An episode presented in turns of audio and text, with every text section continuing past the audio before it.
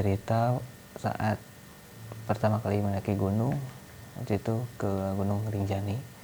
Jadi sekitar tahun 2016 Waktu beres sidang KTI Nah akhirnya gue sama teman-teman merencanain buat liburan ke Lombok. Yang awalnya itu kita cuma ingin liburan ke Gili Trawangan. Ya, cuman ada salah satu teman gue yang nyaranin gimana kalau kita sekalian aja daki ke Rinjani mau ke Lombok juga. Akhirnya kita sepakat buat ke Rinjani juga karena emang di antara kita semua belum pernah ada yang pernah naik gunung. Dibuat pengalaman juga akhirnya kita berlima berangkatlah ke Lombok waktu itu kita memutuskan untuk PP Keran jadi lewat jalur darat. Waktu di stasiun Bandung kami kenalan sama salah satu seorang pendaki juga namanya Kang Adi sama Abang Dwi karena mereka udah lebih pengalaman jadi kita memutuskan untuk joinan bareng. Jadi kita berangkatlah dari Bandung bertujuh. Singkat cerita setelah melewati perjalanan dua malam tiga hari sampailah kami di desa Sembalun salah satu jalur untuk mendaki Rinjani. Karena waktu itu kami datang udah menjelang maghrib jadi kita memutuskan untuk menginap semalam di base camp. Dan sekitar pagi jam 8 barulah kita mulai untuk mendaki. Di hari pertama ini kita ngecamp di pos bayangan. Sebelum pos 3 itu ada pos bayangan. Kita memutuskan untuk ngecamp di sana. Waktu itu jam 4 sore jadi kita nyampe di pos bayangan kita langsung masang tenda dan sebagian lagi ngambil air karena kebetulan pos tiga bayangan ini dekat dengan sumber air. Jadi makanya kenapa kita memilih untuk ngecamp di sana. Keesokan harinya kita ngecamp di pos Pelawangan Sembalun salah satu pos ya bukan salah satu pos ya emang pos sebelum ke puncak itu di Pelawangan Sembalun. Kita ngecamp di sana. Waktu itu kita juga nyampe sekitar jam 4 sore dan kondisinya waktu itu lagi kurang bersahabat jadi angin kencang dan cukup berkabut juga. Nah itu juga kita berharap mudah-mudahan nih pas nanti malam saat kita mau summit ke puncak cuacanya bisa lebih cerah. Karena menurut salah seorang voters juga dia bilang bulan ini tuh bulan yang lagi bagus-bagusnya untuk mendaki karena biasanya cuacanya cerah akhirnya kita waktu jam 12 malam kita memutuskan untuk uh, berangkat summit ke puncak. Di saat perjalanan kami terpencar-pencar. Jika ada yang jalannya santai ada yang jalannya cepat. Nah jika kami waktu itu terpencar. Sampailah saya waktu itu di puncak sekitar jam 3 atau jam 4 tuh badai mulai datang. Jadi angin kenceng yang bener-bener kenceng banget. Sampai badan saya aja hampir ke bawah waktu itu karena kalau nggak pegangan ke batu mungkin saya udah jatuh. Dan jalannya gelap banget. Kanan kiri aja saya jalan sendiri. Terpisah dari rombongan saya jalan sendiri. Itu yang kanan kiri yang benar-benar gelap. Saya nggak bisa ngelihat. Yang kelihatan cuma jalan setapak doang dan itu jalannya pasir jadi agak sulit untuk melangkah. Yang sedikit cerita aja bagi pengalaman.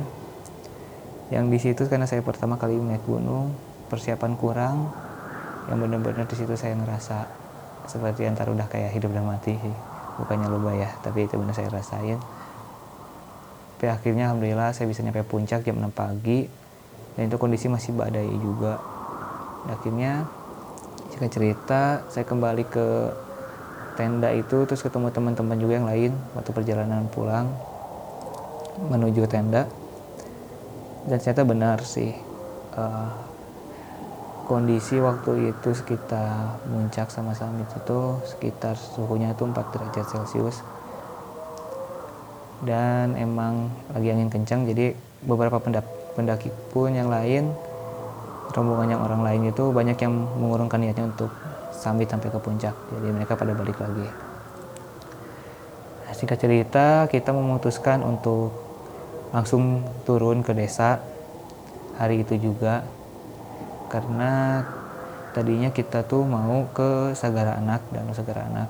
Cuman karena cuacanya emang nggak memungkinkan jadi kita memutuskan untuk kembali langsung ke desa. Saat perjalanan kembali itu turun kita kepencar lagi. Jadi yang jalan duluan saya Bondil Jambul dan Kang Adi kita berjalan duluan. Dan tiga orang teman kita tertinggal di belakang. Sampailah kita di pos bayangan yang tempat pertama kita ngecamp. Di situ kita nunggu teman kita yang tiga orang nih. Waktu itu sekitar jam 7 eh maaf kurang lebih jam 5 jam 5 sore. Waktu itu kita nyampe di pos bayangan. Cukup lama waktu itu nunggu teman-teman yang lain. Mereka datang itu habis maghrib sekitar jam setengah tujuan. Mereka baru datang dan kita nanyakan dari mana aja nih kok lama banget? gitu. Oke mereka bilang tadi sempat ada yang terkilir juga jadi emang jalannya agak lama dan waktu pas maghrib pas banget maghrib tuh mereka udah nyampe pos 3 nah jarak dari pos 3 ke pos bayangan itu emang gak terlalu jauh. Nah cuman pas saat mereka mau menuju ke pos bayangan jalurnya hilang. Jadi kalau kata mereka tuh jalurnya tuh nggak ada gitu padahal di situ emang udah ada tandanya kan. Kalau jalurnya dan jalurnya itu emang yang jalan setapak tanah gitu dan yang nggak mungkin lah ketutupan tumbuhan dalam waktu beberapa jam aja karena mereka bingung nyari jalur terus akhirnya mereka balik lagi ke pos 3 minta tolong lah ke salah seorang potters buat nunjukin jalan Nah, saat mereka balik lagi dengan diantar Potters, si jalannya itu ada. Padahal kata mereka tuh tadi pas mereka pertama datang tuh mau ngelewat tuh nggak ada jalurnya tuh. Nah karena mereka takut kesasar, jadi balik lagi minta tolong diantar oleh seseorang Potters. Oke lah, udah karena jalannya udah ketemu, makanya mereka lewat. Makanya tadi agak lama juga kata mereka gitu kan. Nah situ tuh kita udah ngerasa kayaknya duh kayaknya udah mulai ada yang aneh nih nah akhirnya kita pasang memutuskan untuk menginap semalam lagi di pos bayangan karena nggak memungkinkan juga kalau ngelewat uh, turun ke desa malam-malam gitu kan dan jadi kita waktu itu ngecamp lagi di pos bayangan kita bagi tugas dan tiga orang bangun tenda dan kami berempat saya, Bondil, Jambul, dan Kang Adi memutuskan untuk mengambil air dan juga nyuci peralatan. Jadi waktu itu kita turun karena sumber mata airnya itu ada di lembah gitu.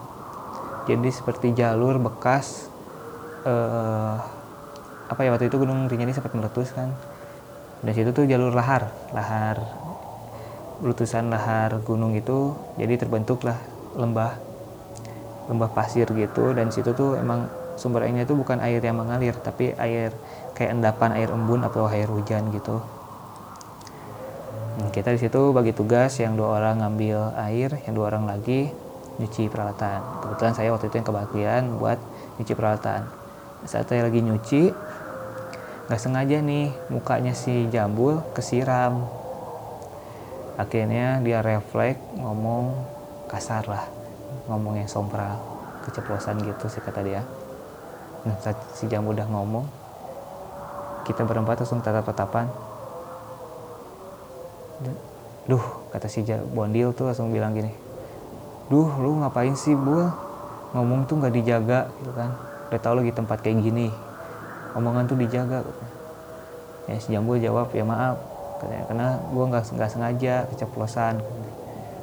Akhirnya situ kita perasaan tiba-tiba udah nggak enak banget. Jadi tadinya kita santai sih. Karena emang malam waktu itu udah gelap kita ngambil air. Dan perasaan saya itu kayak yang banyak yang merhatiin gitu. Jadi kayak banyak yang ngeliatin ke arah kita. Saya nyuci nyuci peralatan tuh langsung cepet-cepet sambil ngeliat ke kanan kiri ngeliat ke sekeliling gitu. Karena cuma pohon-pohonan dan sama semak-semak gitu sih sekitar kita tuh. Dan singkat cerita kita udah beres langsung buru-buru. Dan saya sempat minum dulu tuh airnya di situ. Dan alhamdulillah airnya masih jernih.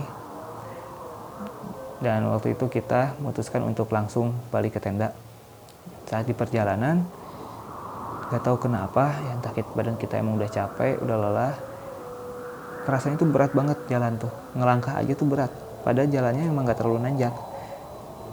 Cuma waktu itu juga kita nggak tahu kenapa langsung berat banget. Dan kita jalan berempat kompak tuh pelan-pelan. Karena kita berempat tuh ngerasa kayak yang berat banget gitu. Saya bilang kan soalnya ih kenapa ya? Kok rasanya berat banget beda dengan tadi karena satu malam pertama kita ngecamp di sana juga saya ngambil air tuh saya lari ngambil airnya tuh naik turun tuh lari tuh kuat. Tapi ini nggak tahu kenapa rasanya berat banget. Padahal cuma bawa air mineral tuh dua botol aja. Ya udahlah kata si Kang Ade tuh baca aja Bismillah aja kita nunduk aja jangan ngeliat ke kanan kiri jangan ngeliat ke belakang pokoknya kita nunduk aja cepetin aja langkahnya karena kita juga udah ngerasa nggak enak banget di situ. Akhirnya kita udah nyampe tenda. Nah karena kita ngos-ngosan nyampe tenda tuh kita bener-bener yang capek banget. Si Bondil tuh minum lah di sana. Ketika dia minum ini minum ini botol yang sama dengan yang saya minum waktu di masih di tempat mat, mata air. Masih di sumber air tuh botolnya sama. Nah tapi waktu Bondil minum di tenda airnya berubah jadi keruh. Keruh dan bau. Itu nggak tahu kenapa tuh. Ih kok airnya beda ya kata si Bondil. Beda gimana kata saya kan. Oke saya juga nyoba minum dan emang rasanya beda dan agak sedikit bau. Udahlah jangan diminum katanya kan jangan dipakai. Takutnya nanti mah jadi penyakit. Nah di situ saya udah ngerasa nggak nyaman banget jadi saat yang lain masak waktu itu mereka memutuskan untuk makan malam. Nah cuman karena saya udah ngerasa nggak nyaman saya memutuskan untuk tidur duluan. Kini saya tidur duluan. Waktu sekitar jam 3 malam kali ya. Waktu itu saya ngeliat jam sih jam 3 malaman saya kebangun. Kebangun karena haus. Jadi sebelum tidur tuh saya sempat nyimpen botol satu botol di dalam tenda karena buat jaga-jaga nih takutnya saya kebangun malam terus haus. Bener aja kan saya kebangun pas malam terus haus banget. Nah saat saya mau ngambil botol minum saya cari-cari tuh kok nggak ada. Duh jangan-jangan nih ditaruh di luar nih sama anak-anak. Akhirnya saya memutuskan untuk buka tenda buat keluar karena waktu itu posisi saya kebetulan dekat dengan pintu tenda saya saya buka tenda bener tuh botol-botol semua ditaruh di luar.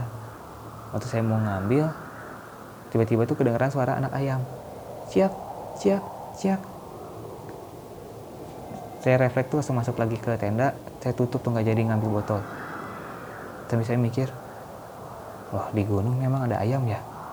Kayak gitu kan saya masih pikir positif gitu waktu itu. Wah ya mungkin emang ada ayam hutan kali gitu kan sekitaran sini. Ya. kayaknya saya udah nyoba lagi buat ngambil air supaya saya buka tenda. Dan pas saya tidak tangan saya udah keluar tenda nih mengambil botol tiba-tiba tuh kedengaran suara perempuan ketawa. Kedengaran jelas banget. Itu kedengarannya tuh kayak arah dari pohon. Jadi depan tenda tuh ada pohon gede nah kedengarannya dari arah situ. Saya kaget dong. Masuk lagi ke tenda langsung saya tutup. Waktu itu langsung apa kayak sleeping bag tuh saya tarik kan sleeping bagnya tuh. Langsung coba posisi miring. Astagfirullah astagfirullah saya waktu itu pikir terus baca ayat kursi juga buat tenangin diri. Oh ini suara hewan apa suara benda ketawa? Kata saya itu kan. Dan itu waktu saya masuk ke tenda lagi tuh emang kedengeran lagi suaranya itu masih kedengeran itu kayak bener-bener ngitarin jadi kayak ngelilingin tenda kayak berpindah-pindah suaranya tuh astagfirullah astagfirullah saya nyoba nenangin diri kayak waktu itu saya karena nggak bisa tidur lagi jadi posisinya duduk jongkok gitu di tenda sambil nenangin diri waktu itu saya baca-baca juga nah saya sudah tenang suaranya juga udah hilang akhirnya saya nyoba buat ngambil air lagi. Karena itu waktu itu benar-benar yang haus dan di pikiran saya itu cuman pokoknya saya harus ngambil botol gitu. Pokoknya saya harus minum. Waktu itu pikiran saya cuman gitu. Akhirnya saya buka lagi tenda. Pas saya mau ngambil lagi air mau keluar itu kelihatan di satu yang ke kanan tuh ada kain putih. Ya entahlah kayaknya berbaju putih gitu. Entah itu baju entah itu kain pokoknya putih gitu saya nggak berani ngeliat ke atas. Jadi saya cuman kena posisinya tuh kayak kayak merangkak gitu. Aduh astagfirullah saya kan ini apa lagi kan?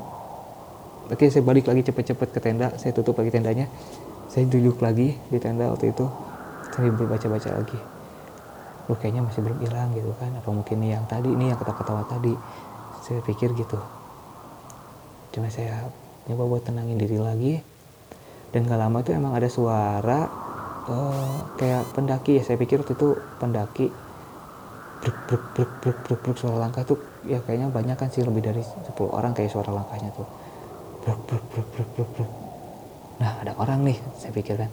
Eh tapi siapa juga nih yang malam-malam ya jam 4 subuh lah kurang lebih itu jam sekitar jam 4an nekat nih jalan malam-malam gitu kan nah saat suaranya itu udah kedengeran deket banget ya kayak kurang lebih di sebelah tenda lah kedengerannya. Itu karena suaranya keras jelas banget. Bruk bruk bruk bruk. Nah mumpung ada orang nih kata saya. Udahlah beraniin buat ngambil air. Pas suaranya udah mendekat saya buka tenda saya keluar gak ada siapa-siapa. Dan suaranya pun langsung hilang. Pada waktu itu emang emang gelap tapi saya pakai senter kan dan pendaki-pendaki lain tuh yang emang di sekitaran yang ngecamp di sekitaran tenda kita tuh emang ada yang masang lampu juga kayak lampu pijar gitu ditaruh di depan tenda. Jadi emang gak terang. Nah, tapi waktu itu suaranya tuh nggak ada lagi hilang. Dan gak ada orang sama sekali yang benar-benar langsung sunyi. Yang kedengaran kayak suara serangga-serangga doang. Lah kata saya kan nggak ada orang. Kayak waktu saya ngambil botol langsung buru-buru lagi balik ke tenda akhirnya pas keesokan harinya paginya tuh kita eh, beres-beres uh, langsung. Pokoknya perasaan saya waktu itu udah langsung gak tenang. Di pikiran saya cuman pokoknya saya harus cepat keluar dari tempat ini gitu. Jadi saya waktu itu beres-beres langsung lari turun. Berjalan turun saya duluan teman-teman saya tertinggal di belakang. Cuman waktu nyampe di pos 2 saya barengan sama si Jambul. Turun berdua nih duluan waktu di apa ya daerahnya tuh kayak lapangan gitu itu isinya tuh ilalang semua jalannya tuh cuma jalan setapak dan cuma kayak rumput-rumput ilalang ya tanaman-tanaman pohon-pohon tanaman liar gitu Nah di situ tuh kedengaran ada yang manggil nama saya. Akmal, gitu kencang kan. Nah kita berhenti dulu dong waktu itu berdua dengan Rendra. Saya nanya ke Jambu waktu itu, Bu, denger nggak ada yang manggil? Iya nih ada yang manggil nama lu katanya. Samperin apa jangan? Takutnya teman yang lain tuh ada yang kenapa-napa gitu. Cuman waktu itu kata si Jambul udahlah nggak usah kan lanjut aja nanti juga kalau emang ada apa-apa manggil lagi gitu. nah emang waktu itu cuma manggil cuma satu kali doang sih jika cerita kita udah sampai di desa saya nanya ke teman gitu kan ke rombongan. Eh tadi yang manggil kenapa? Kayak gitu kan. Manggil kapan nih? Tadi yang beres dari pos 2 tuh ada yang manggil nama gua. Terus saya tuh takutnya ada apa-apa gitu kan. Oh enggak kok nggak ada yang manggil kata si bondil tuh gitu. Ini udahlah mungkin perasaan saya doang. Nah ternyata pas jadi pas saat perjalanan pulang itu kita cerita-cerita nah si Re Bondil tuh dia sempat ngobrol sama salah seorang potters. Namanya Mas Arif. Nah beliau cerita ternyata saat kita lagi summit muncak itu itu harusnya emang cuacanya lagi bersahabat lah menurut beliau. Cuman katanya itu di situ tuh ada salah seorang pendaki yang membuang bayi. Nah jadi dia tuh buang buang bayi di jalur yang tempat deket pos tiga bayangan itu yang tempat deket ngambil air. Katanya sih daerah situ dibuangnya. Nah itu kenapa lah katanya batu kita puncak ternyata badai. Nah terus uh, Mas Alif juga cerita nih tentang hal-hal mistis yang ada di Rinjani. Jadi kata beliau kalau ada yang nyebut nama atau yang manggil nama kita itu jangan disamperin. Karena bisa jadi kita malah disasarin. Karena sering banyak kejadian pendakian nyasar itu karena dia dengar ada yang manggil terus disamperin tapi ya suaranya nggak ada gitu ya. Jadi kayak kesasar aja gitu. Duh, berarti alhamdulillah nih kata saya kan. Waktu itu kita nggak nyamperin saya dengan bondi eh dengan jambul tuh nggak nyamperin suara itu. Nah waktu perjalanan pulang juga saya sempat baca uh, follow salah satu akun Instagram tentang pendaki di Instagram itu itu ada yang bercerita tentang pengalaman mistisnya di Rinjani yang ceritanya itu hampir sama persis dengan cerita saya. Nah, waktu itu dia tuh bercerita kalau waktu di pos yang tiga dia waktu itu ngecampnya di pos tiga nah dia cerita dia ngerasain apa yang saya rasain dia ngerasa udah gak nyaman dia memutuskan untuk tidur duluan. Nah sebelum tidur tuh dia ngeliat teman-temannya tuh lagi masak. Nah di situ tuh uh, ada kedengaran suara langkah kata dia. Bruk bruk bruk bruk kayak suara ya orang berjalan gitu rombanyakan dan ternyata itu tuh dia ngelihat orang-orang itu sosoknya tuh uh, memakai baju adat baju adat asli Lombok kayaknya ya. Baju adat gitu sih dia cerita baju adat terus pada megang tombak. Dan situ tuh kayak seolah olah tuh kayak pasukan kerajaan gitu. Nah itu tuh ngelilingin teman-temannya. Makanya dia takut waktu itu udah memutuskan untuk tidur duluan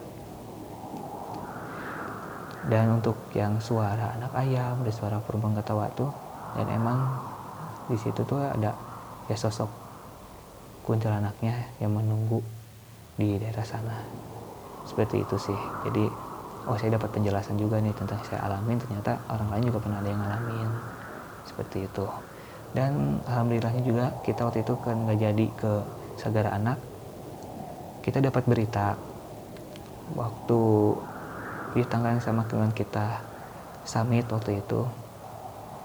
Ternyata ada salah seorang pendaki asalnya kalau nggak salah dari Jakarta itu meninggal di Danau Segara Anak di pemandian air panasnya. Itu karena katanya sih ada yang narik. Ya kita nggak tahu juga sih Allah alam. Jadi waktu itu kita alhamdulillah nih kita nggak jadi ke Sagara Anak. Mungkin kalau jadi entahlah apa yang bakal terjadi seperti itu. Ya itulah tadi sedikit cerita saya tentang pengalaman waktu gua naik gunung. Dan ini pertama kalinya dan satu-satunya sih gue belum pernah lagi naik gunung. Yang pertama itu di Kerinjani. Dan sedikit saran untuk kalian yang ingin naik gunung yang mungkin entah gunung di mana pun itu persiapin diri kalian baik-baik. Jangan nekat kayak kita nggak bawa persiapan. Ya kurang sangat kurang sih persiapannya. Terus uh, jaga omongan juga jangan ngomong sompral di mana pun kalian berada. Apalagi tempat alam terbuka seperti itu. Karena kita tamu walaupun bagaimanapun tetap sih pasti ada penghuninya di setiap tempat itu. Percaya nggak percaya baik lagi kepada kepercayaan diri masing-masing. Terima kasih sudah mendengarkan cerita saya. Assalamualaikum warahmatullahi wabarakatuh